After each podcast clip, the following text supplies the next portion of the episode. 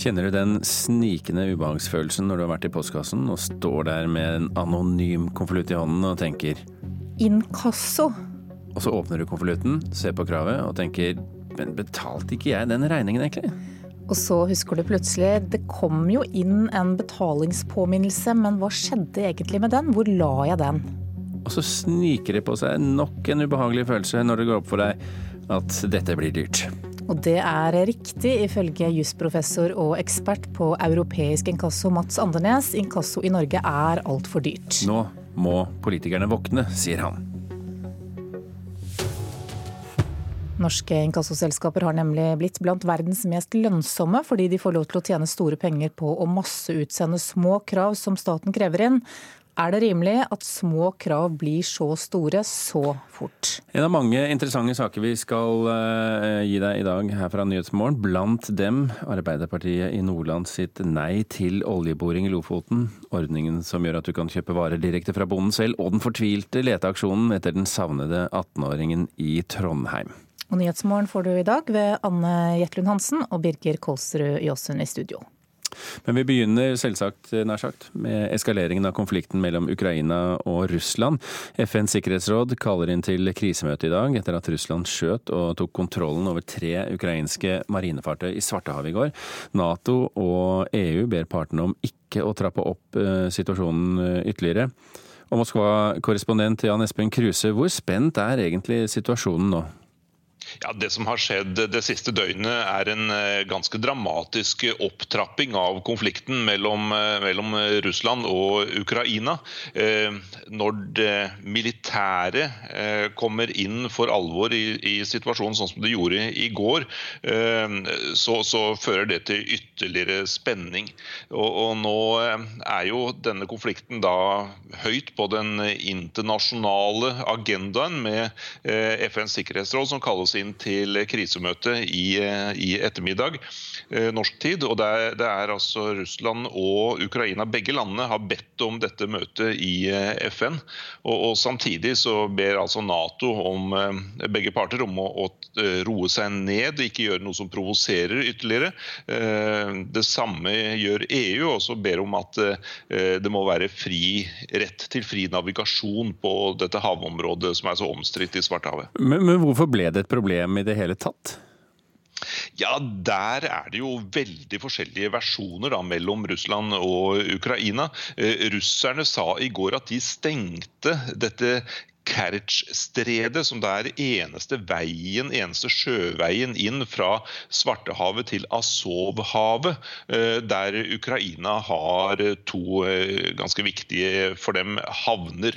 Eh, det ble ikke oppgitt noen grunn til at russerne stengte dette stredet, annet enn at Eh, det var sikkerhetshensyn.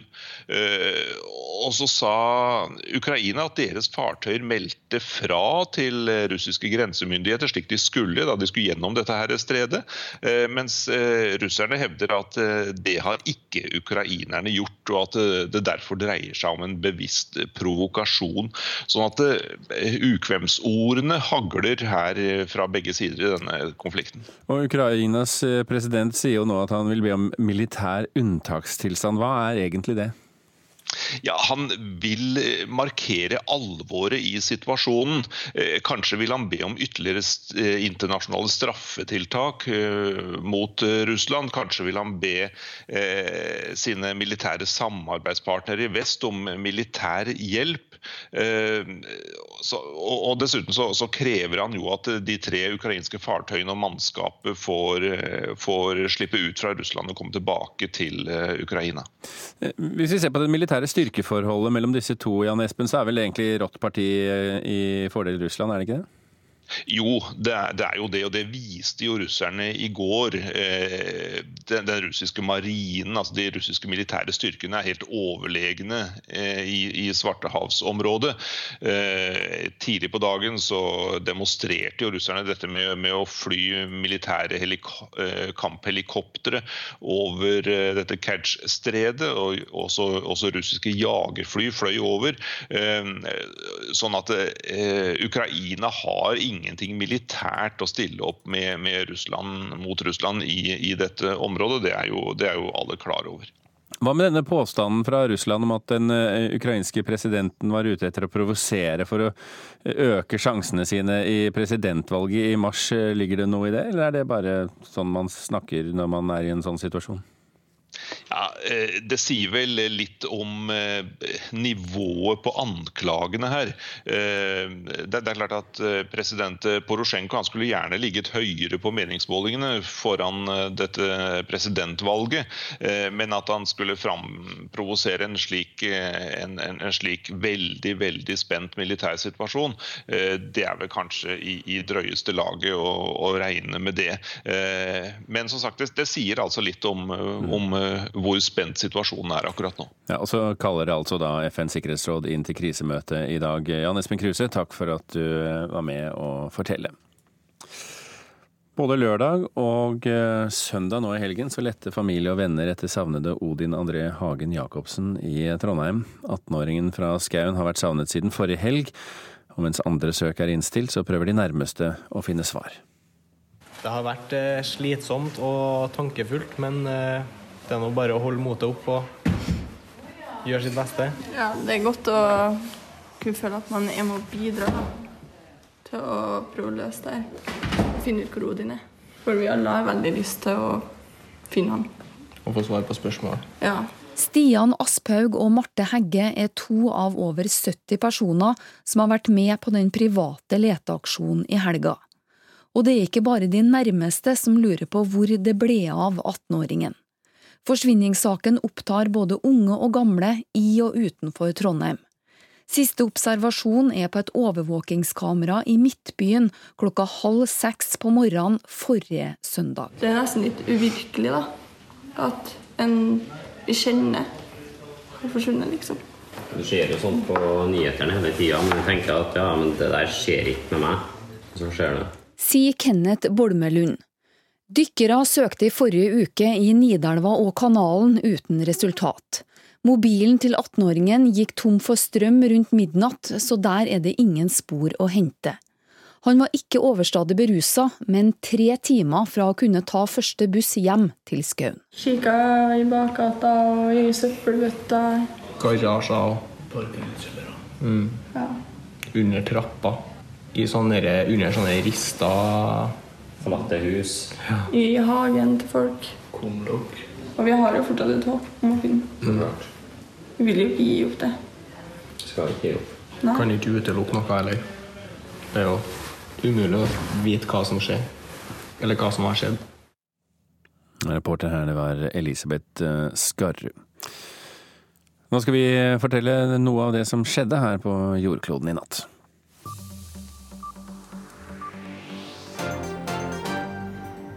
USA har åpnet grenseovergangen ved San Isidro i California igjen. I går forsøkte rundt 500 migranter å bryte seg gjennom gjerdene mellom Mexico og USA, og amerikanerne svarte umiddelbart med å stenge grensen helt.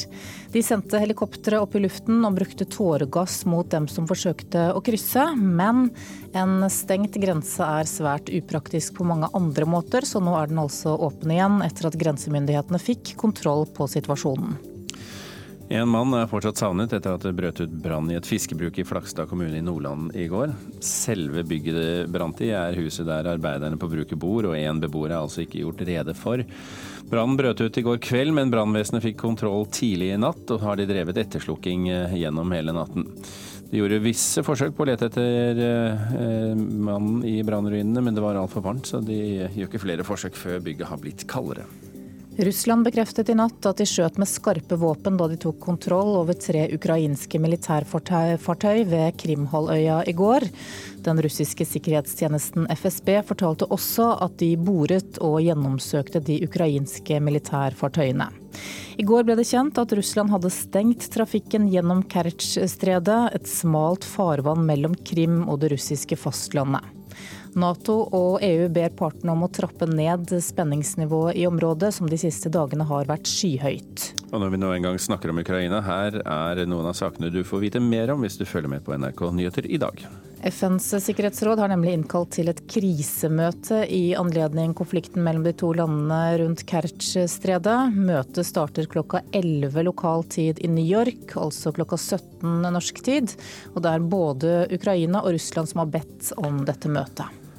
EU-domstolen kommer med kjennelse om eh, legaliteten av brexit-forhandlingene, etter at en gruppe britiske statsborgere som bor i andre EU-land, har gått til sak fordi de mener brexit-forhandlingene mangler juridisk grunnlag. I kveld kan Sjakk-VM avgjøres, men etter elleve partier som er endt i remis, er det usannsynlig at verken Magnus Carlsen eller Fabiano Caruana kommer til å eh, risikere å tape i det tolvte og siste partiet i kveld. Allerede på lørdag så prøvde Carlsen å sikre seg mot tap, heller enn å gå for seier. Jeg fikk en overraskelse i åpningen. altså Gang på gang så greier vi å eh, misse ting i åpningen, så det er jo litt uheldig. Carlsen og Caruana står helt likt. Begge har 5,5 poeng, så dette kan tippe i begge retninger i kveld.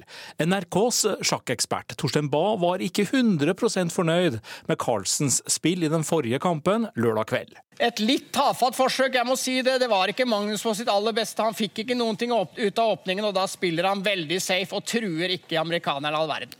Jeg vet ikke, altså. Jeg tipper egentlig han vil gå for det i, i neste parti, da. Men for meg var det i hvert fall uh, klart at uh, jeg, jeg, vil ikke gjøre noe veldig dumt og, og tape, da. Caruana virker godt forberedt og har satt Carlsen under overraskende press så langt i dette mesterskapet. But I'm trying to stay calm and relaxed. I mean, it's definitely not easy, you know. I mean, there's a lot of pressure and a lot at stake. Det står mye på spill, men Caruana sier han prøver å holde roen, selv om det ikke er lett. Carlsen sier han vil forsøke å få til nok en remis i kveld. Nordmannen ønsker å avgjøre denne kampen med omspill. Det er ikke noen hemmelighet at jeg vil være ganske fornøyd med, med et omspill, men uh, vi får se hva han vil. Og vi får se. Det betyr i så fall at du må skru på TV-en din, NRK1, eller eventuelt høre på radio NRK Sport fra klokken kvart på fem i dag. Reporter her, det var Pål Thomassen. Klokken har passert kvart på sju, og hvis du nettopp har skrudd på radioen, så la meg bare minne om toppsakene våre i dag. FNs sikkerhetsråd kaller inn til krisemøte i dag etter at Russland skjøt og tok kontrollen over tre ukrainske marinefartøy i Svartehavet i går. Det er blitt altfor lønnsomt å drive inkasso i Norge, mener jusprofessor. Nå må norske politikere våkne, sier han. Unge enslige asylsøkere må få rett til skolegang etter asylavslag, mener ungdomsorganisasjonen Press. Og det skal du få høre mer om om drøye kvarteret her i eh, Nyhetsmorgen. Vi skal vippe oss selv tilbake til denne ubehagelige følelsen av svette som bryter frem etter en tur i postkassen der det ligger et inkassokrav, og så har du kanskje kjent at dette kommer til å bli dyrt. Og det gjør det nok. Norske inkassoselskaper har blitt blant verdens mest lønnsomme fordi de får lov til å tjene store penger på å masseutsende små krav som staten så krever inn. Det sier jusprofessor Mats Andenes, som har skrevet flere bøker om europeisk inkassovirksomhet. Han mener inkassobransjen står for en god forretningsidé, som er drevet ut i det ekstreme. I Norge så har vi den mest lønnsomme inkassobransjen i verden. Og det gir grunn til ettertanke. Avtaler skal holdes, og regninger skal betales. Det mener jusprofessor Mats Andenes, som har skrevet bøker om inkassovirksomheten i Europa. Likevel er han svært kritisk til at norske inkassoselskaper kan tjene over 2000 kroner på å f.eks. sende ei ubetalt bompengeregning til namsmannen.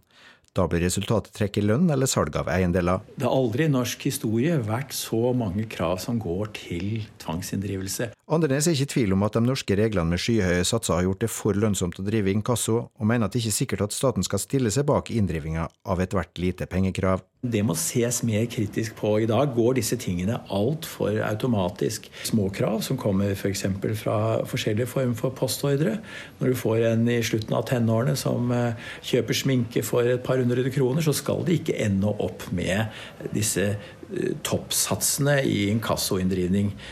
I forhold til folketallet er det over dobbelt så mange inkassosaker i Norge som i Sverige. Beløpene selskapene kan kreve i Norge er ofte mange ganger høyere enn hos vår nabo i øst. Jon Gjestile har inkassobevilling og har bytta bransje etter ti år.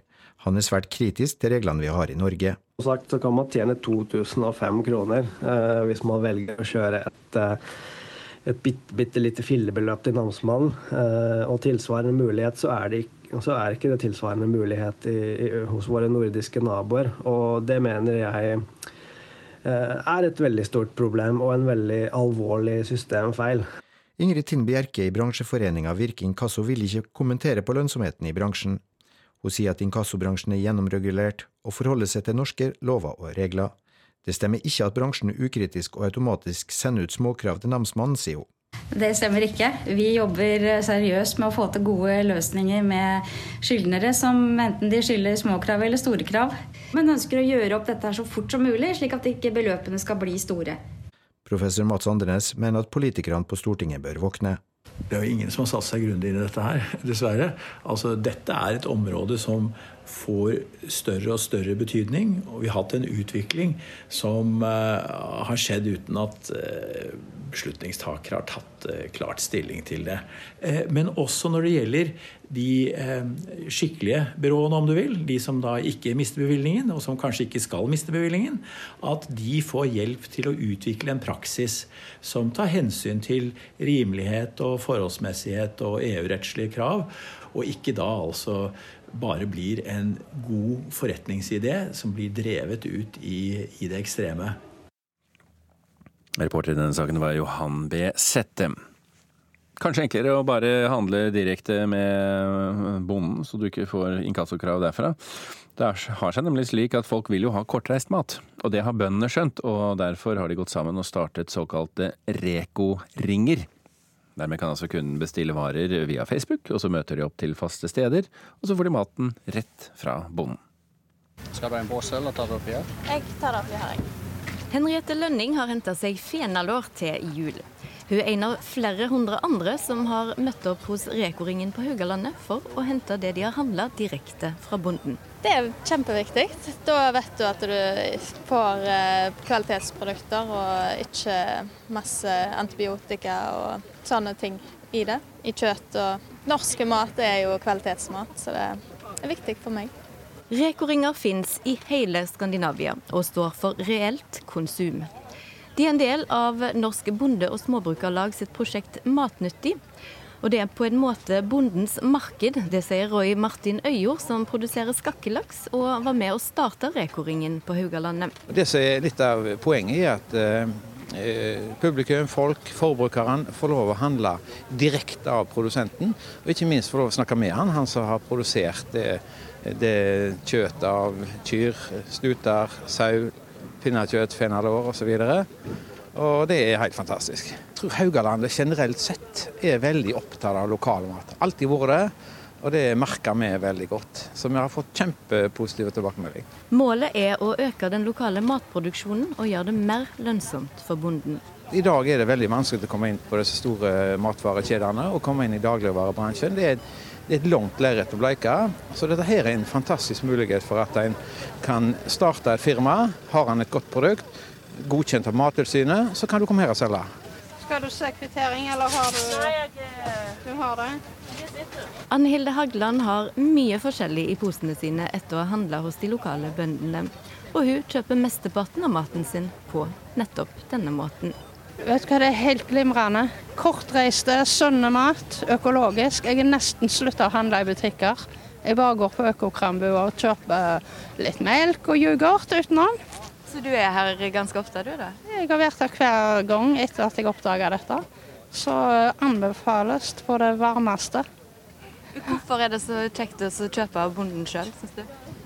Eh, jeg vet hvor det kommer fra, jeg vet hvor dyreholdet er. Jeg vet at det ikke er utspedd med masse jalla-jalla.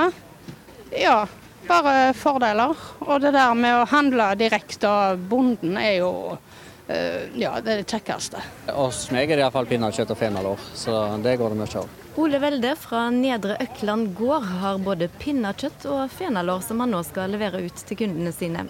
Han tror at Reko-ringen er framtida for bøndene. Før så sto de på torget, og eh, det har han ikke tid til i dag. Så det er perfekt sånn som dette, at en kan eh, stå eh, en halvtime hver 14. dag, så vet kundene at vi er, og vi vet at kundene kommer. Reporter her, det var Rosa Irén Villalobos. Orderud-saken er en borre i, den, i, det norske samfunnet. Jeg syns liksom ikke vi har fått noe svar på det, Anne. Men noen svar kommer jo, og noen svar venter vi på. Ja, i denne TV-serien? Ja. ja. Den har iallfall blitt en stor suksess for NRK. Over én million mennesker har sett den første episoden allerede. Men Per Orderud liker ikke det han ser. Hans fraskilte kone Veronica Orderud er derimot mer fornøyd. Det beste for saken og det beste for meg er jo nettopp dette at de lager det balansert, og at folk få se dette selv og så gjøre seg opp en mening. Sier Veronica Orderud da NRK treffer henne på Manglerud i Oslo, der hun bor alene i dag. En måned er gått siden hun fikk se den første episoden av TV-serien Gåten Orderud.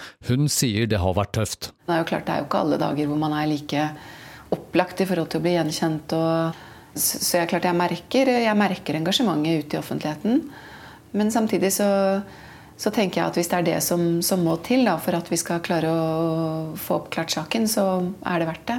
Men Per Orderud er ikke fornøyd, sier privatetterforsker Tore Sandberg. Eh, etter spørsmål fra deg så hadde jeg kontakt med han i, i går kveld.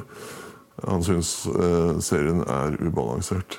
Sandberg er hyret inn av Per og Veronica Orderud for å forsøke å få saken gjenopptatt. Han mener at VGs krimsjef og programleder for serien, Øystein Milli, ikke gjør jobben sin. I de fire første programmene så har jeg ikke sett programlederen stilt ett eneste kritisk spørsmål til noen myndighetsperson. Men det er jo også din rolle å påpeke dette fordi du er ansatt for å forsøke å få saken gjenopptatt? Ja, selvfølgelig er jeg sånn sett en part i saken. Vi har påpekt flere feil vi som politiet har gjort. Svarer programleder Øystein Milli. Vi har påpekt at det er hull i 180-etterforskningen, og vi har påpekt at det er personer i denne saken som vi mener er for dårlig etterforska. Så jeg er ikke enig i at vi er ukritiske mot politiet. Men man kan jo også tenke seg at uh, dere har vært ekstra greie mot politiet for å få dem med på prosjektet? Vi har ikke vært ekstra greie mot politiet, nei. Men selv om Tore Sandberg synes serien er svak, er han glad for at den har ført til nye tips fra publikum. Jeg kan nevne et eksempel. Et vitne som uh, sier at det var hans sokk som ble funnet bak kårboligen. Den hvitstripede oransje ullsokken er blitt selve symbolet på Orderud-saken. Sokken ble funnet rett bak huset der drapene skjedde, og politiet har jobbet med en teori om at den tilhørte drapsmannen. Sandberg vil ikke si noe mer om sokken, annet enn at han nå har møtt personen som sier at han er sokkens eier, og at opplysningene vil bli gitt til Gjenopptakelseskommisjonen. Jeg, jeg, kommer ikke til å gi deg eh, detaljopplysninger om om dette. Kommisjonen for hele, hele saken. Reporter her, det var Petter Sommer. Vi skal se hva avisene er opptatt av i dag. Striden om minnesmerket ved Utøya fortsetter, kulturreporter Oddvin Aune. Dagbladet viser i dag et uh, bilde som er tatt ved Utøyakaia, der det da skal komme et minnesmerke etter de som ble drept i terrorangrepet mot Utøya 22.07.2011. Og På dette bildet som er tatt på avstand, så ser vi en person eh, som gjør noe som framstår som en høyreekstrem hilsen. Han løfter en knytta neve vendt mot eh, Utøya, og det er en hilsen da som minner om den som massemorderen viste i retten. Dette bildet eh, ble tatt av en mann som bor i nærheten, og han hevder at han har sett høyreekstrem aktivitet på denne AUF-tomta et titalls ganger. Og han hevder bl.a. å ha sett menn gjøre nazihilsen ved strandlinja. For Det er jo velkjent at det pågår en nokså bitter strid i forbindelse med at det skal komme et minnesmerke ved Utøyakaia. Mange av naboene syns at dette er en stor belastning og ønsker at det skal ligge et annet sted. Hva tenker de om dette her? Mannen som tok dette bildet av denne høyreekstreme aktiviteten, han, han, mener at dette er et bevis på at myndighetene bør ombestemme seg når det gjelder plasseringen. Og Han sier til Dagbladet at at et minnested på Utøyakaia vil eh, føre til økt oppmerksomhet og sørge for enda flere tilreisende og kanskje mer sånn her type aktivitet. Uh, naboene sier jo at det allerede er en stor og belastende pågang av tilreisende som vil se Utøya Hva sier de etterlatte, da? De, de etterlatte etter terrorangrepet til dette bildet? Ja, lederen for den nasjonale støttegruppa etter 22.07, Lisbeth Røyneland, hun reagerer jo veldig sterkt på den aktiviteten hun ser på det bildet, og omtaler det som både forkastelig og kvalmende.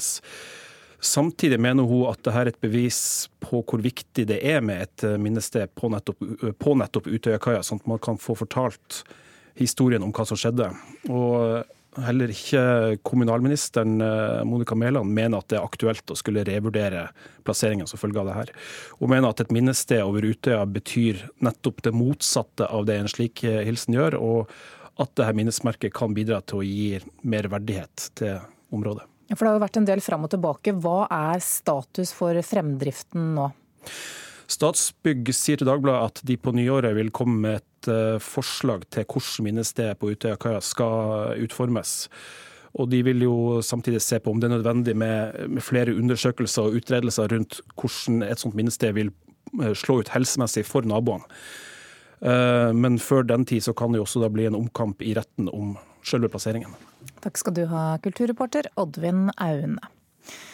Klokka nærmer seg sju. Vi skal straks ha Dagsnytt innom her i Nyhetsmorgen. Etter det så har du følgende på planen, Birger? Vi skal bl.a. snakke om uh, unge enslige asylsøkere som ifølge ungdomsorganisasjonen Press må få rett til skolegang etter asylavslag.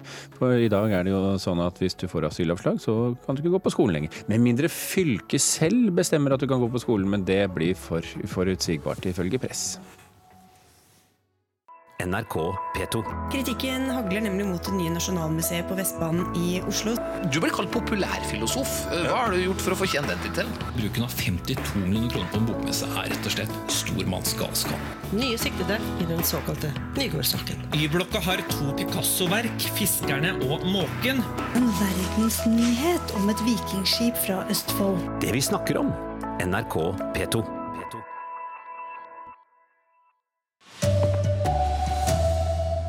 Russland har tatt kontroll over tre ukrainske skip, og FN kaller inn til hastemøte.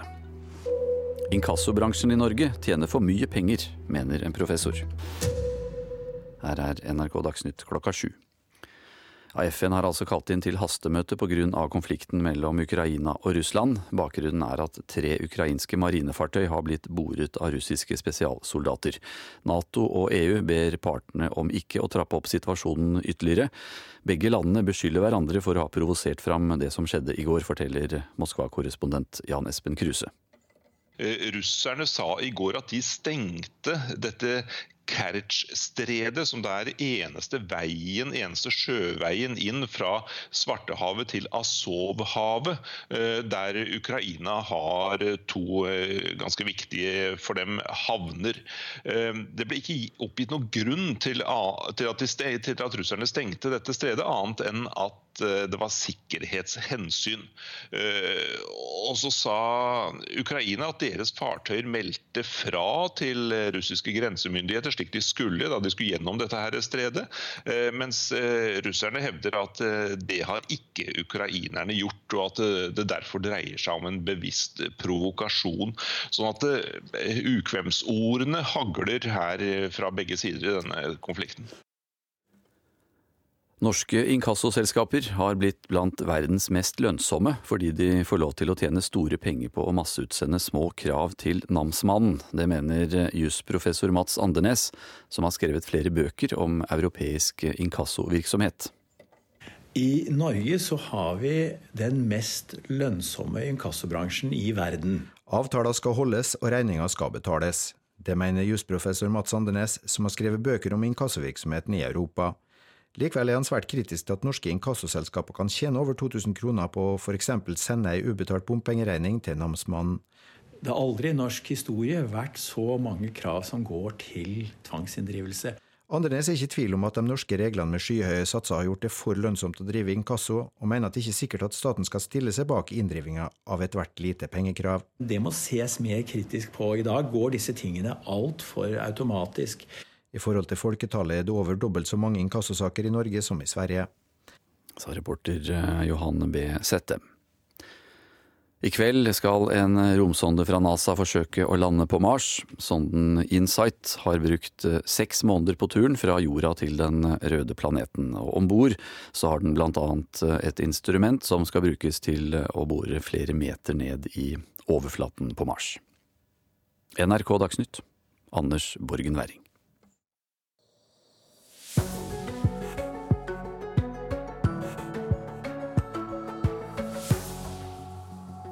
Og denne mollvarpen på Mars skal selvfølgelig vi snakke litt mer om her i Nyhetsmorgen den eh, neste halvtimen, for det er faktisk et fascinerende prosjekt. Og så skal du få høre mer om at uh, i Storbritannia så skal statsminister Theresa May nå reise rundt i landet for å overbevise folk om uh, brexit-avtalen som ble undertegnet i Brussel i går. Vi skal snakke mer om at et samlet Arbeiderparti i Nord-Norge nå sier nei til å utrede oljeboring i Lofoten, Vesterålen og Senja. Også denne tunnelen som skiller Aurdal fra Lærdal. På den ene siden blir menn i snitt fire år eldre enn menn på den andre siden. Unge enslige asylsøkere mister skoleplassen her i landet når de får endelig avslag på asylsøknaden. Skerdi på 17 år var ferdig med førsteåret på videregående skole da han mistet skoleplassen etter asylavslaget, og nå er livet satt på pause for 17-åringen.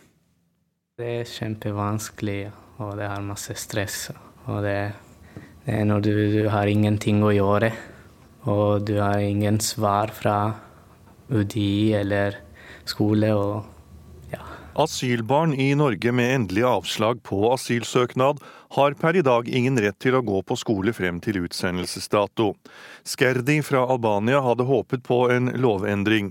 Nå kommer han til å bli sittende på asylmottaket uten å gå på skole til han fyller 18 år. I mai foreslo SV en endring i opplæringsloven, slik at ungdom med endelig avslag på asylsøknad får skolerett frem til utsendelse. Torsdag i forrige uke ble forslaget behandlet på Stortinget, men ble ikke vedtatt. Det vil si at lovregelen kommer til å bli praktisert slik den er i dag, sier leder av utdannings- og forskningskomiteen Roy Steffensen fra Fremskrittspartiet. Rett til skolegang det vil ikke bidra positivt til at du forlater landet eh, innen fristen. Eh, tvert imot tror vi at det vil, være, eh, altså det vil styrke viljen til å motarbeide UDI sitt endelige vedtak hvis du har rett til skolegang i den perioden hvor du har fått avslag. Redd Barnas ungdomsorganisasjon Press mener lovregelen er et brudd på FNs barnekonvensjon. Leder Mina Vinje mener Norge har et ansvar for å tilby utdanning til alle barn som oppholder seg i landet. Barnekonvensjonen og barns rettigheter gjelder alle barn uansett, og da må man heller legge til rette for at alle får et like bra tilbud. At man ikke skal nedprioritere noen barn og opprioritere noen andre barn. SV deler Press sitt syn og ville endre loven slik at disse barna får gå på skole til de er myndige, men Stortinget ville det annerledes. Dette er ikke en asylsak, mener stortingsrepresentant for SV, Marius Meisfjord Jøsevold. Dette er en utdanningssak. Det handler om retten til utdanning. Dette eh, gjelder et eh, veldig lite antall mennesker i, eh, i Norge. Og at det skal handle om innvandringsregulering, det kan jeg ikke forstå. Fremskrittspartiet er ikke enig i at dette er et brudd på barnekonvensjonen, og foreslo at barn som ikke går på skole, heller skal få et returforberedende tilbud, noe som også ble nedstemt. Frp gir seg ikke med det, forteller leder av utdannings- og forskningskomiteen Roy Steffensen. Denne saken er nok ikke ferdig, men vi mener at det blir feil å gi personer uten lovlig opphold eh, i landet en rettighet på skolegang. Signaleffekten blir for stor med at, eh, at, eh, personer uten lovlig opphold skal få rettigheter i Norge. Imens går Skerdi uten skolegang og venter på at han skal bli 18 år og sendt ut av Norge. Helst ville han ha vært på skolebenken. Vi har ingenting å gjøre, og vi bare venter når vi blir 18 år. Det, det er bedre hvis vi lærer noe. Reportere her det var Anna Lea Poppe og Tor Albert Frøsland. Seniorrådgiver Anders Prytz Kameron hos Barneombudet, velkommen til Nyhetsmorgen. Tusen takk. Bør barn som har fått avslag på asylsøknaden ha rett til skolegang? Ja, vi mener det. Eh, vi mener dette her er eh, en klar følge av Barnekonvensjonen. At, eh, at alle barn som oppholder seg i Norge over en viss tid, det pleier å være regnet som tre måneder, de skal ha rett til skolegang på lik linje med alle andre ungdommer i Norge. Men hvorfor skal Norge betale for deres utdanning når de ikke skal bo her? Norge trenger, å, eh, trenger å, å, ta vare på disse ungdommene så lenge de er her. Eh, og betalingen er vel det minste problemet. Dette er plasser som stort sett står der uansett, så det er vel ikke et økonomisk eh, problem først og fremst her. Det som eh, vel ble sagt i innslaget her, er jo at eh, det handler om en signaleffekt og egentlig innvandringsregulering. Og vi mener at det ikke er anledning til å legge så stor vekt på, på den typen uh, argumenter i en sånn uh, sak som dette. Ja, Hvorfor ikke? Fordi uh, vi har undertegnet denne Barnekonvensjonen, den pålegger oss å ikke diskriminere uh, ungdommer som oppholder seg her. Og det er veldig viktig også å si at disse ungdommene, selv om de kanskje skal uh, reise igjen på et tidspunkt, så er dette den muligheten vi har uh, til å jobbe sammen med dem. Og det å ikke la dem få muligheter til å gå på skole, det, det, det er både dumt for den enkelte og også for samfunnet som helhet. Vi har da personer som Skerdi f.eks., som, som sitter da, hva er det han sa selv, det er stress, det er uh, kjipt å sitte på mottaket og ha ingenting å gjøre mens men, han er her. Men ja. følger det av det du sier nå, at Norge bryter loven? At det er ja, vi, stortingsvedtak som bryter loven? Vi mener jo det. Uh, så er det problemet at det er ganske vanskelig å få, få prøvet dette her. Uh, fordi Norge ikke har heller ratifisert den internasjonale klageadgangen til Barnekonvensjonen, som gjør at at uh, vi, vi, er usikre på om det er mulig her å få, få noen, en domstol eller noen andre til å uttale seg helt klart om dette er et brudd på Barnekonvensjonen eller ikke. Men dette er jo uh, barn og ungdom som jo skal ut. Uh, ser du ikke at det blir vanskeligere å sende dem ut av landet når de, når de går på skolen? Nei, jeg tror ikke det er det, det, som er vanskelig med å sende dem ut av landet. Det er mange utfordringer med å få sendt folk som skal sendes ut, ut av Norge. Men det at de også går på skole her mens de er her, det, det gjør de hele veien helt til de får dette avslaget, flere år. Så det er jo ikke det som er hindringen for å få sendt folk ut igjen, hvis det er det man ønsker.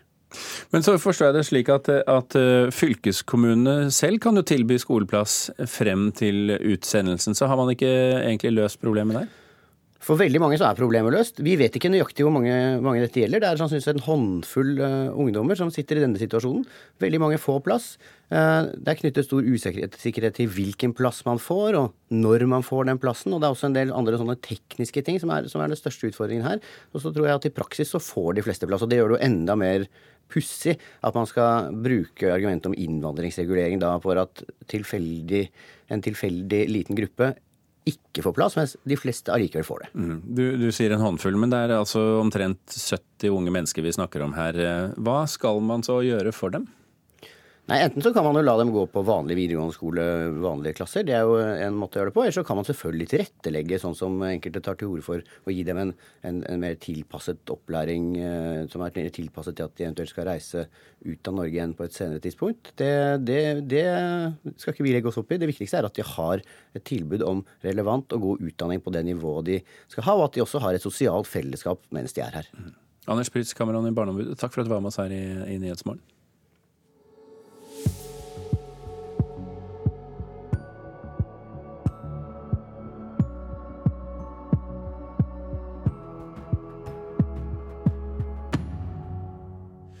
Et samlet eh, Arbeiderparti i eh, Nord-Norge sier nå nei til å utrede oljeboring i eh, Lofoten, Vesterålen og Senja. Det ble klart da et klart flertall i Nordland Arbeiderparti i helgen stemte for å droppe det tidligere kravet om å få konsekvensutredet dette området.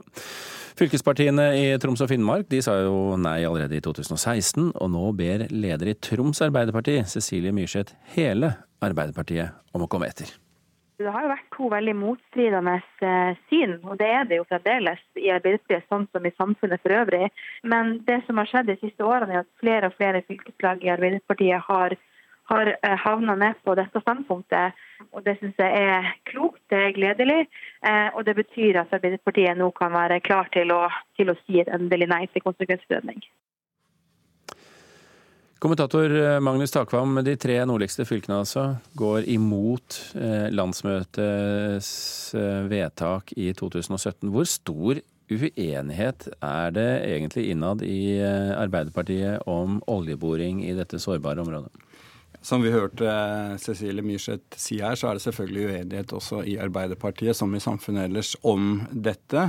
Eh, I Arbeiderpartiet så er det nok særlig i eh, oljefylkene på Vestlandet, eh, Rogaland, Hordaland f.eks.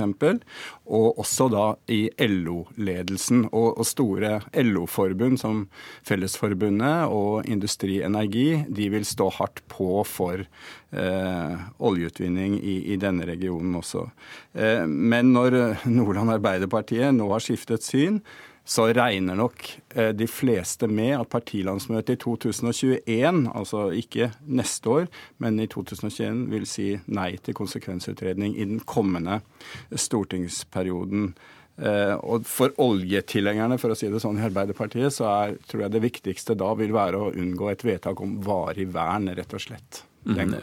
Um, har Eh, altså Nordland Arbeiderparti de, de, har jo tidligere vært ivrig pådriver for oljevirksomhet i dette eh, landet.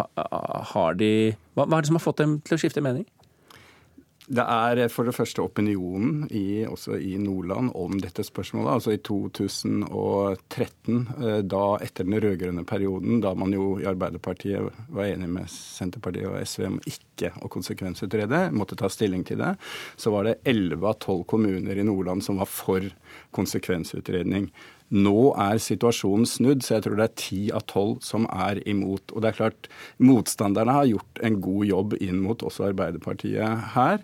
Og så er det rett og slett en realitetsorientering. Alle har fått med seg at også borgerlige regjeringer, Bondevik II og nå Erna Solbergs to regjeringer, ikke har konsekvensutredning på uh, programmet for Lofoten, Vesterålen og Senja. sånn at Ingen norsk regjeringskonstellasjon har det på dagsorden, og det ligger selvfølgelig i bånn også her. Ja, eh, Så kan vi jo høre på Terje Halleland, da, som representerer Fremskrittspartiet i Stortingets energi- og miljøkomité. For han mener jo at det ligger an til en dramatisk endring i hele Arbeiderpartiets oljepolitikk. Jeg syns det er veldig uheldig. Eh, en forlater den konsensuspolitikken som egentlig har vært i alle fall blant de tre store partiene i Norge der en innhenter kunnskap og baserer avgjørelsene sine på kunnskap. Når eh, Nordland Arbeiderparti nå sier nei til en konsekvensutgreiing, så går de vekk fra den politikken og vil basere sine avgjørelser på følelser og ikke på kunnskap. Har han rett i dette, at dette er et uh, følelsesstyrt valg og ikke et kunnskapsbasert valg? Eh, den siste vrien til Frp om at det var basert på følelser og ikke kunnskap, er jo selvfølgelig et politisk eh, utsagn som eh, veldig mange er, er uenig i. Men det er et Altså det, det er en, en veldig ja, Det er en viktig og historisk for så vidt at Nordland Arbeiderparti går imot konsekvensutredning av disse områdene. Nordland Arbeiderparti har vært det fylket som Arbeiderpartiet sentralt har måttet skue, altså se hen til når de har laget sine kompromisser. Som sagt, i 2013 så var de kanskje en av de viktigste årsakene til at partiet da eh, fremdeles gikk inn for konsekvensutredning. Men eh, det poenget jeg var innom før, er jo at også eh, Frp og Høyre har solgt ut denne saken hver, hver, gang de har vært i regjering. Så, så viktig kan den da eh, ikke være heller for dem, hvis vi, hvis vi skal være litt polemiske mm. tilbake. fordi i virkeligheten ser alle at dette kanskje er det store kompromisset om petroleumspolitikken i Norge. At man ikke bygger ut i Lofoten, Vesterålen og Senja, men har for øvrig en, en, eh, ganske aktiv virksomhet i norsk petroleumsnæring. Så alle får litt? Ja, riktig. Ja. Magnus Akvam, takk for at du orienterte.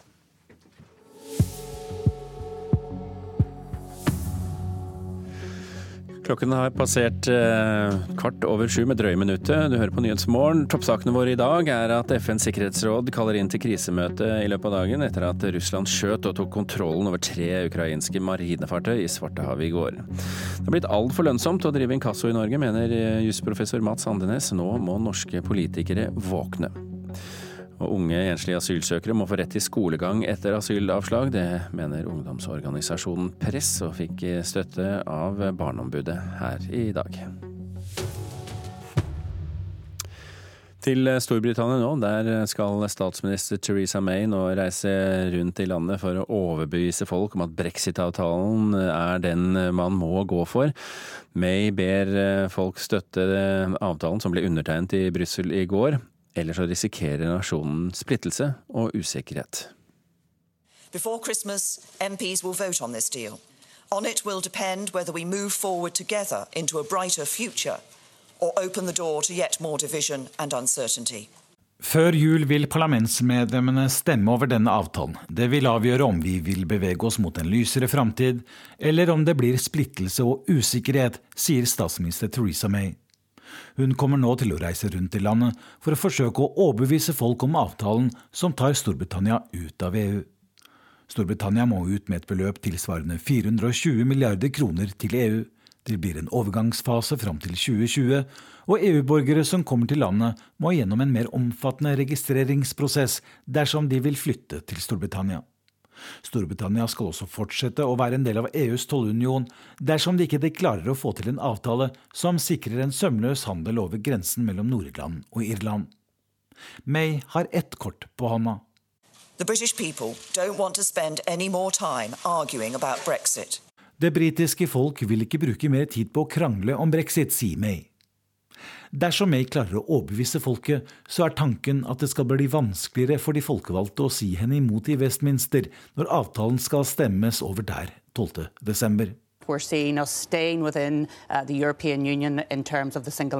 uh. Vi blir værende i EUs indre marked og tollunion, og resultatet er en ny grense i Irskesjøen. og Derfor kan vi ikke støtte avtalen, sier Arlene Foster i Det demokratiske unionistpartiet i Nord-Irland. Labour sier nei, og en svært stor del av Mays egne folk i det konservative partiet vil stemme nei fordi de mener avtalen ligger for tett opp til et medlemskap. Det skotske nasjonalistpartiet vil stemme nei, fordi de frykter at de likevel ikke får ha fiske for seg selv utenfor egen kyst. Så det ser mørkt ut. Men EUs ledere gir May drahjelp på denne måten. This is the best deal possible for Britain. And this is the only deal possible. So if the House would say no, we would have no deal. Det nytter ikke for andre å komme tilbake til Brussel for å forhandle på nytt, sier Jean-Claude Juncker. This is the deal. This is the deal. Dersom politikerne i Westminster sier nei, kan Storbritannia risikere å gå ut av EU uten noen avtale som betyr økonomisk nedtur og kaos. Men det kan også bli nyvalg, eller eventuelt en ny folkeavstemning. Øyvind Nyborg, London. Og brexit, Siv Sandberg, programleder i Politisk kvarter, det motiverer motstanden mot EU også her til lands, bare på et litt annet eh, plan. Ja, det kan i hvert fall eh, inspirere noen av EØS-motstanderne. Eh, I Politisk kvarter i dag så får vi besøk av de to største forsvarerne av EØS-avtalen i norsk politikk, nemlig Høyre og Arbeiderpartiet. De liker dårlig den voksende EØS-motstanden i fagbevegelsen, men så er de veldig uenige om hvorfor det har blitt sånn. Næringsminister Torbjørn Røe Isaksen fra Høyre han eh, peker på Arbeiderpartiet, og mener de ikke gjør nok for å forsvare og snakke varmt om dagens dagens avtale. Og så kommer Terje Aasland fra Arbeiderpartiet. Han mener dagens regjering ikke gjør nok for å utnytte mulighetene som ligger i avtalen og sikre at eh, kjørereglene i norsk arbeidsliv eh, ligger fast. Og så er det jo noen som er uenig med begge de her to, nemlig Kirsti Bergstø fra SV. Hun mener det er på tide å tenke nytt, og i Stortinget skal SV fremme forslag om å utrede alternativer til EØS-avtalen. Så får vi se om de store partiene syns det er noe særlig god idé. Og det får vi se og høre, ikke minst eh, om knappe 25 minutter. Politisk kvarter trer da inn her i Nyhetsmorgen med Siv Sandvik i studio. Vi skal holde oss utenriks i veldig, veldig Veldig langt utenriks, Halvard Sandberg. Vi forstand utenriks, ja. Vi forstand. Vi skal nemlig snakke om Mars. Mars, og der skjer det veldig spennende ting i kveld, norsk tid. For det lander noe på Mars? Og det skal, skal lande. Skal lande. Forsøk å lande. Ja, Så vidt jeg skjønner, så er NASA ganske gode på å få ting til å lande på Mars, er det ikke det? De har blitt ganske gode nå. Det er amerikanerne som kan dette her. Ingen andre har egentlig greid det. Men eh, det har skjedd at amerikanerne ikke har fikset det heller. De har gjort sånn småfeil som ja. har ført til at det eh, det er enten bare forsvunnet vekk fra Mars, eller så har den krasja i overflaten. Så det kan skje. Vi holder tommel opp for at eh, det som skal lande på Mars i dag, eh, lander pent og trygt, fordi eh, det er noe som har en oppgave der. Og den går nå under navnet Muldvarpen. Ja, det er en av delene. Det er kanskje det mest spennende og det unike med denne Insight-landeren som skal eh, nå overflaten. Den har med en muldvarp, helt riktig, og muldvarper har det med å grave seg ned i bakken. Så det er en sånn lang, sånn selvgravende kabel nesten, som skal prøve å få fem meter ned i bakken. Og du kan nevne hva skal man gjøre med en kabel fem meter i bakken, hva i alle verden kan jeg gjøre, men forskerne er så flinke nå at med den kabelen så kan de måle helt nøyaktig temperaturforskjellen på fem meter ned og oppe. Og med de to tallene der, så greier de å finne ut alt som skjer helt ned i kjernen på, på, planeten. Det er nesten helt utrolig at de kan finne ut det bare gjennom å se, se liksom varmegangen. Altså hvor mye varmt er det der, og hvor fort blir det kaldere når det kommer høyere opp eller varmere. Og så ja. vet dere det. Og da kan de finne ut ja, der er kjernen, og der er mantelen, og dette her er selve overflaten. Men hvor stor temperaturforskjell håper de å finne ut? Eller altså, hva, hva kan vi forvente? Det er snakk om hundredels av grader. innenfor det. Det er nesten ingenting, ikke sant? Nesten ingenting, nei. Men det er nok til at du kan si at jo, da stemmer den hypotesen. Ja. Hvis vi får akkurat de dataene, stemmer den hypotesen. Og i og med at vi aldri har gjort noen sånne målinger før, så får vi nå helt unikt innblikk i akkurat innsiden av Mars. Og med det så kan vi forstå litt hvordan jorden ble dannet. Fordi at disse her steinplanetene, Merkur, Venus, jorden, Mars, de ble dannet omtrent på samme måte, men litt forskjellig. Og så ser du der er endringen på Mars. Sånn er Mars. Den er litt annerledes enn jorden. Aha, det gir oss litt data om hvordan jorden kan bli skapt. Og så er det jo sånn at med all, all informasjon fra, som vi kan øh, øh, få fra to forskjellige steder, forteller oss noe om hele universet som sådan? gjør det ikke? Ja, helt riktig. Du får to datapunkter eller tre datapunkter, så kan du fortelle mer om hva som sannsynligheten er for hvordan det er eh, andre ja. steder. Ikke sant.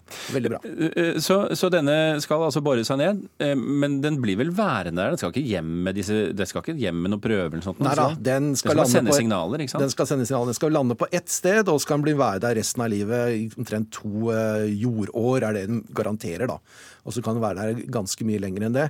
Så skal den også ha med et utrolig nøyaktig seis på meter for å se rystelser i bakken. Og det har man hatt før, men ikke så nøyaktig som dette her. Så får man til det, da kan du finne ut massevis eh, om Mars og innsiden av Mars. Spennende tider. Halvard Sandberg, takk for at du orienterte. Og jeg tenker at vi følger denne saken etter hvert som vi får informasjonen inn, så ser vi om vi lærer noe av det. Vi skal eh, tilbake til eh, noen som har boret i den norske jordkloden. Ehm, nei, bare jeg sier den norske, jord, ja, den norske delen av jordkloden. Fordi at eh, verdens lengste tunnel skiller to kommuner her i landet, nemlig Aurdal, Auland og Lærdal. Og så er det sånn at på den ene siden, i Auland, så lever menn i snitt fire år lenger enn menn på den andre siden av tunnelen i Lærdal. Og funnene overrasker forskere fra Senter for helseforskning. De, de innfødte er også overrasket, og teoriene de er mange. Det var rart. Syns det var rart at det skal være så stor forskjell. Jeg tror det er bare tilfeldigheter. Jeg tror det. Nei, jeg veit ikke. Det er vanskelig å vite. 24 509 meter. Det er lengda på Lærdalstunnelen og avstanden som skiller nabokommunene Aurland og Lærdal. Hva side av tunnelen du er født på, er med på å bestemme hvor lenge du kan forvente å leve. For nå viser nemlig forskning at menn fra Lærdal i snitt lever fire år lengre enn menn fra Aurland. Når vi får sånne tall, så prøver vi å se på ytterkantene. Og da ble vi jo veldig overraska når vi så at to eh, små eller mindre nabokommuner i Indre Sogn har så stor forskjell i forventa levetid for menn. Det er ganske spesielt. Hans Johan Breidablikk er en av forskerne bak rapporten som tar for seg forventa levealder ved fødsel for kommunene i Sogn og Fjordane. Denne debatten har jo vært mest kjent eh, fra Oslo. Der er det jo veldig store forskjeller mellom bydelene i Oslo. Men eh, i et eh, homogent fylke med to nabokommuner som Sogn og Fjordane, så er det jo nokså spesielt òg at det er nesten fire års forskjell mellom Aurland og Lærdal. I Lærdal ble folk på gata konfrontert med den ferske rapporten. Hva tenker du når du ser den rapporten som du har foran deg? Eh, helt topp. Helt topp? Ja. Vi har jo bra klima, og det burde du jo ha i Aurland òg, for så vidt. Men eh, jeg vet ikke, vi er vel eh, helsemessig bedre og eh, ja, Kanskje vi trener mer, da. Kan man si det slik? Nei, det er kanskje bedre klima i Lærdal, bedre miljø. Kanskje noe spesielt vi gjør i Lærdal. det må være poteten her, Poteten i Lærdal? Det må være Lærdalsbåten her. Det er god mat, og lærdalspoteten er jo Gulrota er jo blant det beste som øker levelengden her i Lærdal, så antagelig er det lærdalspoteten som er årsaken. Vi lever lenge fordi vi bor godt og har god mat. På gata i Aurlandsvangen florerer også teoriene om hva som kan være bakgrunnen for de dystre tallene. Det er jo vanskelig å si. Eh, en kan jo tenke seg anleggsutbyggingen kanskje Ørland har medført eh, ja, mye tunneler, mye støv og forskjellige ting, kanskje. Det tror jeg. Jeg tror det er bra. Folk, folk har det bra i Aurland òg. Så jeg kan ikke skjønne det. Så stemmer ikke det med at det er noe i potetene der inne? Nei, det, det, det. Nei jeg tror ikke det. det må bare tirsdag. Nei, dette der jeg har ikke noe mening om hva som kan gjelde. Nå har vi noe kraftutbygging her og kraftutbygging i Lærdal. Hva vi skal an til, da? Jeg må ikke gi på sommeren og inn på i flommen. Det kan ha noen betydning. Jeg vet ikke. Osa røyker jo en del. Mye skipstrafikk. Forsker Breidablikk har også vanskelig for å finne en forklaring på den store skilnaden. Vi henter statistikk, og vi kan for så vidt ikke gi de bakenforliggende svarene. Vi kan jo bare søke etter annen statistikk som eh, kunne forklare dette. her. Vi vet jo at det er forskjell i levealder knytta til eh, utdanning, eh, inntekt eh, og livsstil. Slik at det, det, går jo an å begynne å søke der. At det skulle være genetiske forskjeller av betydning mellom Aurland og Lærdal, det er jo kanskje ikke så lett å, å, å skjønne. Noe som også er forska fram i rapporten, er forekomsten av tidlig død. Igjen kommer aurlendingene dårlig ut. I forbindelse med forebygging og folkehelse så er jo tidlig død veldig interessant, fordi at en del av de dødsfallene kunne kanskje ha vært forebygd. Og tidlig død det betyr altså at en dør i alderen mellom 0 til 74 år.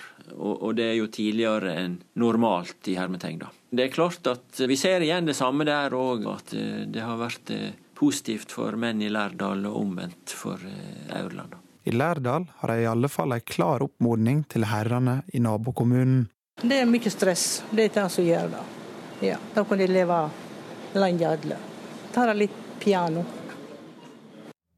Reporter her var Ole Kristian Førde. Det nærmer seg halv åtte her i Nyhetsmorgen og for så vidt alle andre steder. Snart Dagsnytt. Bli med på NRK Satiriks redaksjonsmøte. Så får man meg alle sur på statsministeren. Statsministeren sier hele tiden at meg og Sindre må rydde på kjøkkenet. Ja. Rotete. Fuck you, statsminister! Ja. Ellers er det statsministeren som går og roter på kjøkkenet. Ja. Mm, at uh, Høyre-lederen og Sindre legger seg om natten, og så står statsministeren opp og så roter hun litt. For det ser ut som det er tre stykker i hvert fall som går til rotete. Mm. Hør podkasten Satiriks redaksjonsmøte i appen NRK Radio.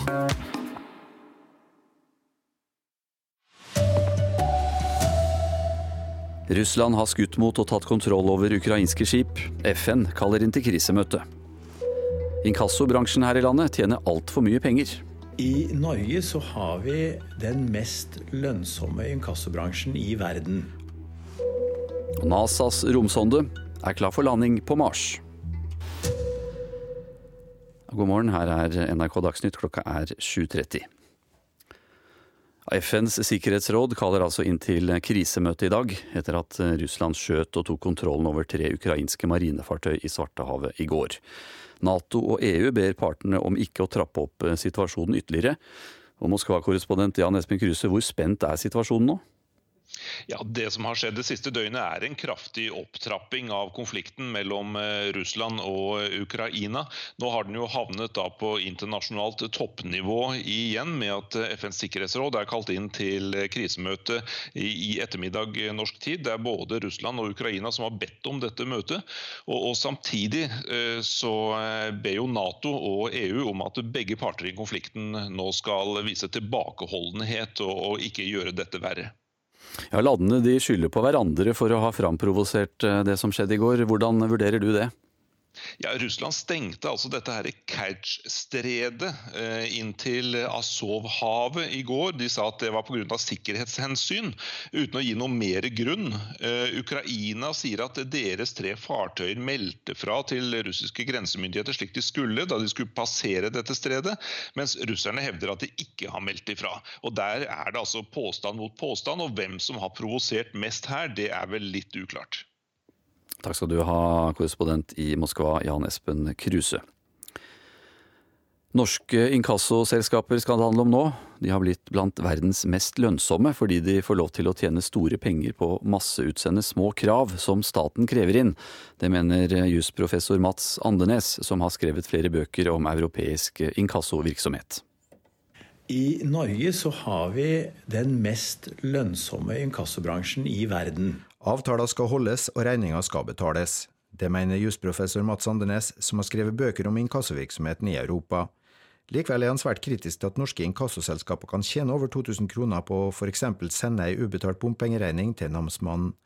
Det har aldri i norsk historie vært så mange krav som går til tvangsinndrivelse. Andenes er ikke i tvil om at de norske reglene med skyhøye satser har gjort det for lønnsomt å drive inkasso, og mener at det ikke er sikkert at staten skal stille seg bak inndrivinga av ethvert lite pengekrav. Det må ses mer kritisk på. I dag går disse tingene altfor automatisk. I forhold til folketallet er det over dobbelt så mange inkassosaker i Norge som i Sverige. Beløpene selskapene kan kreve i Norge er ofte mange ganger høyere enn hos vår nabo i øst. Joni Gjestile har inkassobevilling og har bytta bransje etter ti år. Han er svært kritisk til reglene vi har i Norge. Som sagt så kan man tjene 2005 kroner eh, hvis man velger å kjøre et, eh, et bitte, bitte lite fillebeløp til namsmannen. Det mener jeg eh, er et veldig stort problem og en veldig alvorlig systemfeil. Ingrid Tind Bjerke i bransjeforeninga Virke Inkasso vil ikke kommentere på lønnsomheten i bransjen. Det stemmer ikke at bransjen ukritisk og automatisk sender ut småkrav til namsmannen, sier hun. Det stemmer ikke. Vi jobber seriøst med å få til gode løsninger med skyldnere, som enten de skylder småkrav eller store krav. Professor Mats Andrenes mener at politikerne på Stortinget bør våkne. Det er jo ingen som har satt seg grundig inn i dette her, dessverre. Reporter her, Johan B. Settem. I Storbritannia skal statsminister Theresa May nå reise rundt i landet for å overbevise folk om brexit-avtalen som ble undertegnet i Brussel i går. May ber folk støtte hennes avtale, ellers så risikerer nasjonene splittelse og usikkerhet, sier hun. Before Christmas, MPs will vote on this deal. On it will depend whether we move forward together into a brighter future or open the door to yet more division and uncertainty. Før jul vil parlamentsmedlemmene stemme over denne avtalen. Det vil avgjøre om vi vil bevege oss mot en lysere framtid, eller om det blir splittelse og usikkerhet, sier statsminister Theresa May. Hun kommer nå til å reise rundt i landet for å forsøke å overbevise folk om avtalen som tar Storbritannia ut av EU. Storbritannia må ut med et beløp tilsvarende 420 milliarder kroner til EU. Det blir en overgangsfase fram til 2020, og EU-borgere som kommer til landet, må gjennom en mer omfattende registreringsprosess dersom de vil flytte til Storbritannia. Storbritannia skal også fortsette å være en del av EUs tollunion dersom de ikke klarer å få til en avtale som sikrer en sømløs handel over grensen mellom Nord-Irland og Irland. May har ett kort på hånda. The British people don't want to spend any more time arguing about Brexit. Det britiske folk vil ikke bruke mer tid på å krangle om brexit, sier May. Dersom May klarer å overbevise folket, så er tanken at det skal bli vanskeligere for de folkevalgte å si henne imot i Westminster når avtalen skal stemmes over der 12.12. Dersom politikerne i Westminster sier nei, kan Storbritannia risikere å gå ut av EU uten noen avtale som betyr økonomisk nedtur og kaos. Men det kan også bli nyvalg, eller eventuelt en ny folkeavstemning. Øyvind Nyborg, London. USA har gjenåpnet grenseovergangen eh, San Isidro ved Tuyana etter at den ble stengt i går, da en gruppe migranter forsøkte å bryte gjennom grensegjerdet mellom Mexico og USA. Samtidig sier Mexico at de vil utvise de om lag 500 migrantene som forsøkte å krysse grensa, på det myndighetene kaller voldelig og ulovlig vis. I hele helgen har eh, familie og venner lett etter savnede Odin André Hagen Jacobsen i Trondheim. 18-åringen fra Skaun har vært savnet siden forrige helg, og mens andre søk er innstilt, prøver de nærmeste å finne svar. Det har vært eh, slitsomt og tankefullt, men eh, det er nå bare å holde motet opp og gjøre sitt beste. Ja, det er godt å kunne føle at man er med å bidra til å prøve å løse det her. Finne ut hvor din er. Stian Asphaug og Marte Hegge er to av over 70 personer som har vært med på den private leteaksjonen i helga. Og det er ikke bare de nærmeste som lurer på hvor det ble av 18-åringen. Forsvinningssaken opptar både unge og gamle i og utenfor Trondheim. Siste observasjon er på et overvåkingskamera i Midtbyen klokka halv seks på morgenen forrige søndag. Det er nesten litt uvirkelig, da. At en vi kjenner har forsvunnet, liksom. Det skjer jo sånn på nyhetene hele tida, men jeg tenker at ja, men det der skjer ikke med meg. Så skjer det. Sier Kenneth Bolmelund. Dykkere søkte i forrige uke i Nidelva og kanalen uten resultat. Mobilen til 18-åringen gikk tom for strøm rundt midnatt, så der er det ingen spor å hente.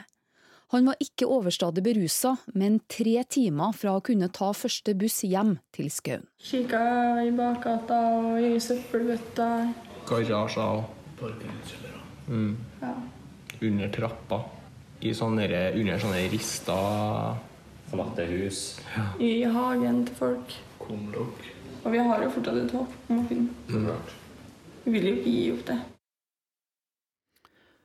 Reporter eh, Elisabeth Skarru. Skarrud. Mange forskere ved NASA har muligens kink i nakken og er eh, i helspenn nå. I kveld norsk tid så skal nemlig romsonden Insight gjøre et forsøk på å lande på Mars. Og den har altså vært på tur gjennom verdensrommet i seks måneder. Nå skal den altså lande om få timer, eh, reporter Halla Sandberg. Den har boreutstyr om bord. Hva er eh, oppdraget? Oppdraget med boreutstyret er å trenge seg inn i bakken, eh, kanskje så langt ned som fem meter ned i bakken, og så måle temperaturforskjellen. For ved å vite temperaturforskjellen fra fem meter ned i bakken og ved overflaten, så kan du vite hvor mye energi som blir transportert fra den indre delen av Mars og opp. Og gjennom å vite det, så kan du vite en god del om hvordan Mars er bygd opp. Og så skal de også ha et veldig nøyaktig seismometer som måler rystelser i bakken, og det gir et skikkelig godt innblikk i innsiden av Mars. Og med den kunnskapen så kan vi kanskje vite litt hvordan jorden også er bygd opp. Men nå er det altså slett ikke sikkert den klarer eh, å lande engang. Hva er utfordringene? Utfordringen er at Mars faktisk har en tynn, tynn atmosfære, slik at eh, man benytter den for å lande, slik at alle landinger blir mer kompliserte. Du har fallskjermer og bremseraketter og mye annet utstyr for å gjennomføre en landing på den best mulige måten, men det gjør det også mer komplisert, og der kan mye gå galt. Når er det klart om landingen er vellykket? Det vil vi få greie på åtte minutter etter at det enten har gått dårlig eller har skjedd pga. Av avstanden. Og da vil det komme et lite radioblipp. Og med det lille blippet så vil alle forskerne i California bli kjempeglade. Eller så begynner de å bli nervøse og bare må vente og vente og se. Kanskje allikevel. Vi venter i spenning. Takk skal du ha, utenriksmedarbeider Halvard Sandberg. Romsonden Insight er altså klar til å lande om få timer eh, på Mars. Muligens. Ansvarlig for eh, NRK Dagsnytt eh, i dag, Arild Svalbjørg. Jeg heter eh, Anders Borgen Werring.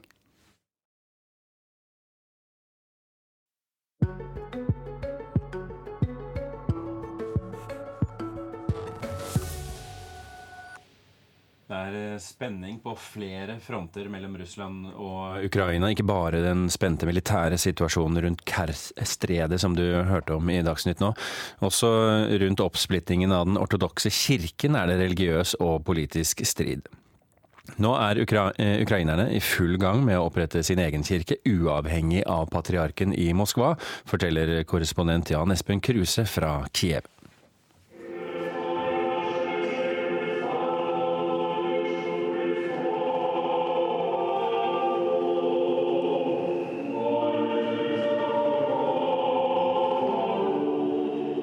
Det er kveldsgudstjeneste på en vanlig hverdag i en av de ortodokse kirkene i den ukrainske hovedstaden Kiev.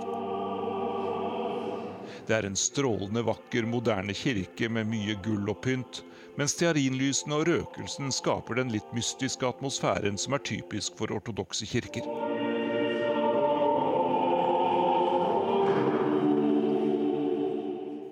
Flere prester deltar i liturgien, men det er ingen tvil om hvem som er viktigst av dem. Vi har kommet for å møte metropolitt Oleksander, og han forteller at han har det svært vanskelig akkurat nå. Ну, для меня, как э, христианина, очень печально, что э, существует этот раскол. К сожалению, э, Московская патриархия и Украинская православная церковь Московского... For meg er det svært sørgelig at denne splittelsen pågår mellom den ukrainske kirken og den som er underlagt patriarken i Moskva, sier metropolitt Aleksander. Han understreker at dramatikken i denne saken forsterkes av at både politikere og kirken på begge sider har kastet seg inn i striden. Nå arbeider Oleksander i en kirke som ledes av den russisk-ortodokse patriarken Kirill i Moskva. Men han og tusenvis av prester i Ukraina presses nå til å ta et svært viktig valg. Skal de forbli den moskvatro kirken, eller skal de gå over til den nasjonale ortodokse kirken i Ukraina? Jeg har alltid vært og er i den ukrainske kirken. дело, какая это будет конфессиональная принадлежность. Jeg kommer til å gå over til den nasjonale ukrainske kirken. Det er der jeg hører hjemme, sier metropolit Aleksander til NRK. Han mener at uttalelsene som har kommet fra den russisk-ortodokse kirkens patriark i den siste tiden, er uakseptable. Патриарх Кирилл называет э, хунтой и как бы не- недействительной нынешнюю власть, которая в Украине, называет Киев. Patriark Kirill i Moskva har kalt den nåværende politiske ledelsen i Ukraina for en junta, og han har sagt at den ikke har legitim makt. Patriarken hevder også at Ukraina ikke kan gå ut av den russiske innflytelsessfæren, påpeker presten. Som ukrainer finner han nesten ikke ord som han kan sette på følelsene sine. Splittelsen i den eh, ukrainske ortodokse kirken er et eh, spørsmål som får stor oppmerksomhet i hele landet. Og eh, på gata her i Kiev er folk svært uenige om hvilken vei man skal gå, enten i retning av Moskva eller i retning av en nasjonal ukrainsk kirke. Dette er et spørsmål som er fullt av politikk, sier Aksana Zoric. Hun mener at folk i Ukraina blir en slags gisler i denne vanskelige saken, men hun går likevel inn for at landet skal få sin egen uavhengige ortodokse kirke. Ничего не думаю, я считаю, что все равно церковь как бы... как Jeg bryr meg ikke om hvilken tilhørighet kirken har, sier Olga Kalesnikov. Hun mener at Gud er den samme, uansett hvilket politiske spill som pågår rundt kirkesamfunnene. Politiske kommentatorer i Kiev mener at kirkestriden kan utvikle seg i en dramatisk retning. Если брать тот же аспект э, политический, Hvis vi ser på den politiske siden av dette, er jeg redd for at vi vil få veldig alvorlige problemer, sier den uavhengige journalisten Leonid Svets. Han viser til at det allerede har blitt kastet bensinbomber mot en kirke i denne striden. Da dreier det seg ikke lenger om religiøs uenighet, da er det regelrett gatekamper, sier han. Det var det Jan Espen Kruse som sa. Vi har kommet halvveis i Nyhetsmorgen i dag. Eh, Du skal få høre hva som er eh, toppsakene våre.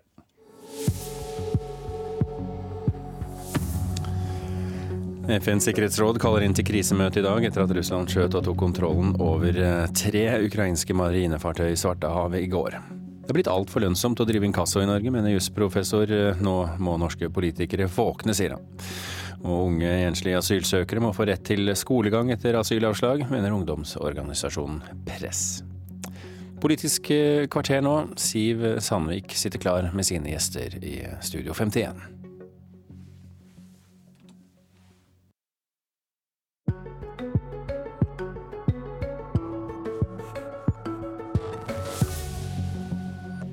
Mens EØS-støtten i folket er større enn på lenge, øker motstanden i fagbevegelsen. Hvem har skylda for det? Arbeiderpartiet og Høyre peker på hverandre. Velkommen til Politisk kvarter. Før helga kom en meningsmåling som viser rekordhøy oppslutning til EØS-avtalen i det norske folk. Men i fagbevegelsen går utviklinga motsatt vei. Der hevder sterke krefter at avtalen undergraver det organiserte arbeidslivet. Det bekymrer både Arbeiderpartiet og Høyre, mens SV vil ha Stortinget med seg på å utrede alternativer til EØS-avtalen. Vi starter med deg, næringsminister Torbjørn Røe Isaksen fra Høyre. Velkommen. Takk. Arbeiderpartiets vilje til å forsvare EØS er stadig synkende, sa du til Dagens Næringsliv eh, sist uke. Hva mener du med det? Nei, men det så mener jeg ja, særlig to ting jeg har sett. Det ene er at eh, der Arbeiderpartiet tidligere, f.eks. i 2005, har sagt at det er uaktuelt å sitte i en regjering som ikke støtter 100% opp om EØS-avtalen, så er Jonas Gahr Støre i dag mye mer uklar. Og det er vanskeligere å se at han stiller de samme kravene til de rød-grønne partiene. Det andre er at Arbeiderpartiet nå er i ferd med å, eller har varslet at de skal legge ned veto mot et EU-direktiv om jernbane. Det, det, er vanskelig å se for seg at det skulle skjedd eh, under Jens Stoltenberg. Og under den, eh, den, type politikk Arbeiderpartiet hadde da Jens Stoltenberg var statsminister. Og så er Det tredje er vel egentlig bare en, en, en observasjon av at EØS-engasjementet i Arbeiderpartiet eh, er, virker i hvert fall dalende. Viljen til å ta diskusjonen, diskutere det, få fram de, alle de utrolig viktige sidene av en avtale som som jo ikke er noe, det, er jo ikke en teoretisk diskusjon, det handler om arbeidsplasser. Og det handler først og fremst om arbeidsplasser rundt om i hele landet. De landene, de fylkene våre som er eh, lengst unna Oslo, er ofte de som eh, tjener aller mest og størstedelen av eksporten sin til eh, EU. Terje Aasland, næringspolitisk eh, talsperson i Arbeiderpartiet. Du er med fra studio i Porsgrunn. Hva svarer du på kritikken fra Røe Isaksen om at Arbeiderpartiet ikke forsvarer EØS-avtalen like ihuga som før?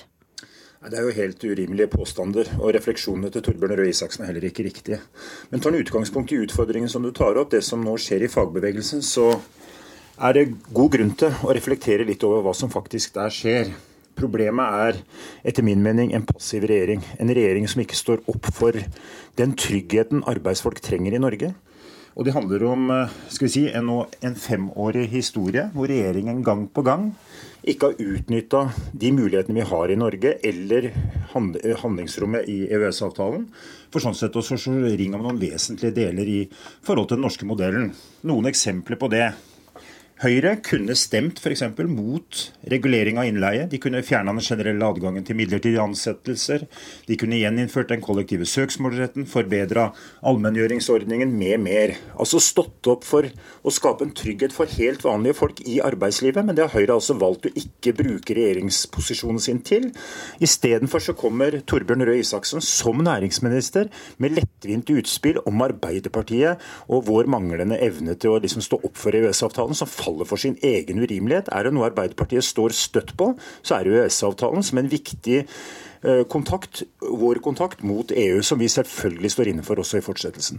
Røe Isaksen, kan du komme med konkrete eksempler på hvordan denne regjeringa har brukt handlingsrommet i EØS-avtalen på å sikre at den ikke kommer på ja. kollisjonskurs med rettighetene til arbeidsfolk? Ja, jeg kan, komme, jeg kan, komme, med en rekke eksempler på hvordan vi bruker handlingsrommet i EØS-avtalen. Det gjør vi jo hver eneste dag. Når det gjelder arbeidslivet, så er det jo sånn at vi har, bare for få år siden, så la vi fram en pakke mot arbeidslivskriminalitet, mot sosial dumping, mot useriøsitet useriøse aktører, som alle burde være opptatt av å bekjempe. Ikke minst jeg som er næringsminister, fordi at useriøse aktører konkurrerer på urettferdig vis, både for arbeidstakerne, men også for små og mellomstore bedrifter som følger lovene, behandler de ansatte skikkelig og følger den norske modellen. Så er det sånn at det er en myte der, at vi ikke er, eh, bruker handlingsrommet i EØS. Altså Bare på mitt område så uh, ser vi etter hvordan vi kan bruke handlingsrommet i EØS til å gi et et eh, avgiftsfritak for treforedlingsindustrien. Vi ser på handlingsrommet i EØS når det gjelder å gi ideelle bedre vilkår, eller kunne favorisere ideelle i noen tilfeller når det er ting som er lagt ut på anbud. Vi ser på handlingsrommet i EØS for å se hvordan vi kan eh, skjerme norske hotelleiere for en ekstra formuebeskatning som gjør at det kan være vanskeligere å drive familieeid hotell. Det gjør vi hele tida så er vel sannheten den når det gjelder norsk arbeidsliv, er vel snarere at Arbeiderpartiet har gått langt til venstre i disse sakene her. For det var jo sånn at da vi diskuterte f.eks. tilstanden for byggebransjen i Oslo, som jeg er helt enig i har vært altfor dårlig, hvor det trengtes tiltak, så var regjeringa, Høyre var med på å gå langt i å si f.eks. at vi skulle begrense antallet innleide arbeidstakere. Men så tok Arbeiderpartiet en ytterligere venstresving og sa at nå skal vi gjøre det for hele landet, for absolutt alle, også i områder hvor dette ikke er et like stort problem. Det er ikke direkte EØS-relevant, men det viser at Arbeiderpartiet istedenfor å ta diskusjonen om EØS, så skyter de på regjeringa. Og så svarer Lien Aasland heller ikke på om det er aktuelt for Arbeiderpartiet å sitte inn i en regjering som f.eks. ut utreder alternativer til EØS. Det skal han få spørsmål om litt senere, men vi må først innom en viktig grunn til at LOs største forbund i privat sektor, Fellesforbundet, kan ende opp med å gå mot norsk EØS-medlemskap, og det er striden rundt kost og losji for utenlandsk arbeidskraft. Høyesterett her hjemme slo fast at arbeidsgiverne må betale også for reisen til Norge, ikke bare reiser innad i landet.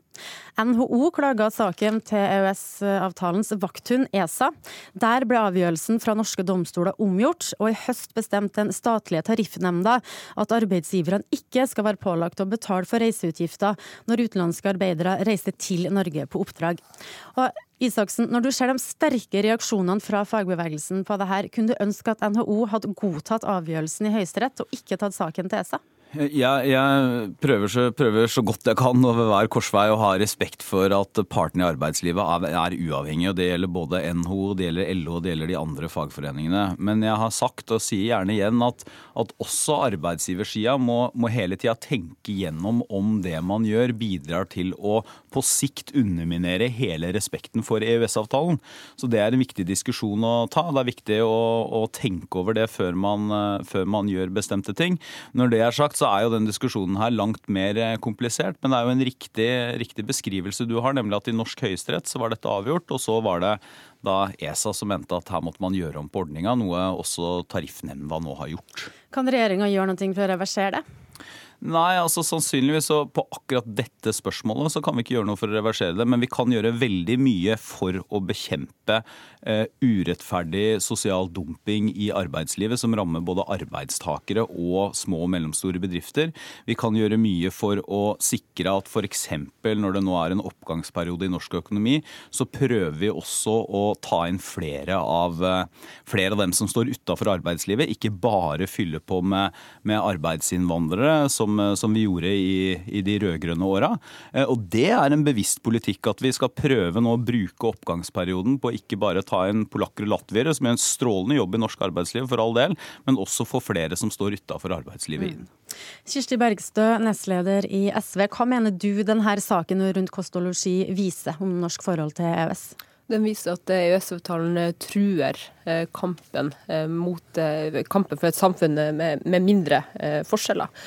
Og at EØS-avtalen er med på å undergrave et godt og seriøst arbeidsliv. Og Det ser vi gjennom at tariffavtaler settes til side, at fremforhandla, fremkjempa rettigheter settes vekk, strykes.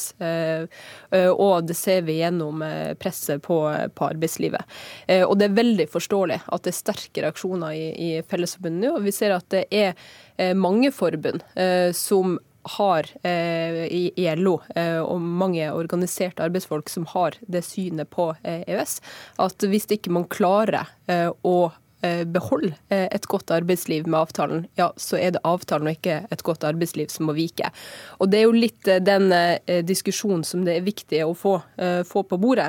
Fordi grunnlaget for det økte opprøret mot EØS-avtalen handler om hvordan det oppleves i hverdagen til arbeidsfolk. Det handler om de som har eh, fått beskjed om at eh, som jobber med, med, med, med bryggesjauinger i eh, på kaia her i Oslo, som har fått beskjed om at deres lønn skal være på konkurranse. De skal ikke lenger ha trygge jobber med ordentlige avtaler til grunn. Det handler om alle de sjåførene som jobber rundt for, for ekstrem lav lønn og farlige, farlige forhold. Og det handler om Eh, at eh, man ser den, det presset på, eh, på, norske arbeidsplasser gjennom at man ikke lenger skal få dekka kost, losji og, og, og, reise. Og sånn kan vi ikke ha det. Ja. I Stortinget nå så skal dere fremme forslag om å utrede alternativer til mm. EØS-avtalen. Hva håper dere å oppnå med det? Da håper vi å oppnå at vi faktisk kan få alternativer på bordet. fordi vi kommer ikke så langt med å, å stå i den diskusjonen vi er i nå. fordi at vi EØS-avtalen eh, er jo noe som har blitt kritisert både fra de som er for EU og mot EU, og de som ønsker avtalen og de som ikke ønsker avtalen, opp gjennom tidene. Eh, men det som ikke har blitt lagt på bordet, er jo hva som er de reelle alternativene til den.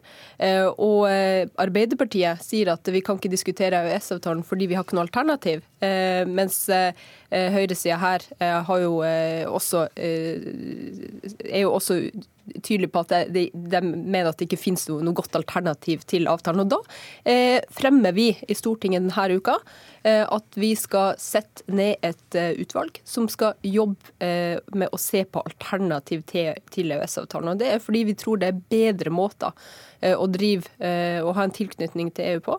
Det er bedre måter som ikke truer norsk arbeidsliv, som ikke truer og undergraver velferd og, og rettigheter. Aasland i Arbeiderpartiet. Eh, vi hører her eh, skepsisen eh, i SV. Er også, det er også velkjent at Senterpartiet ikke liker EØS-avtalen. Kan Ap sitte i en regjering som ikke har dagens EØS-avtale som fundament i utenrikspolitikken? Nei, Vi har vært veldig tydelige på at EØS-avtalen har tjent Norge godt i den tida vi har hatt EØS-avtalen. Den er viktig for næringslivet, den er viktig for arbeidstakere. Men så er det noen utfordringer, og de tror jeg det er viktig at vi tar på alvor.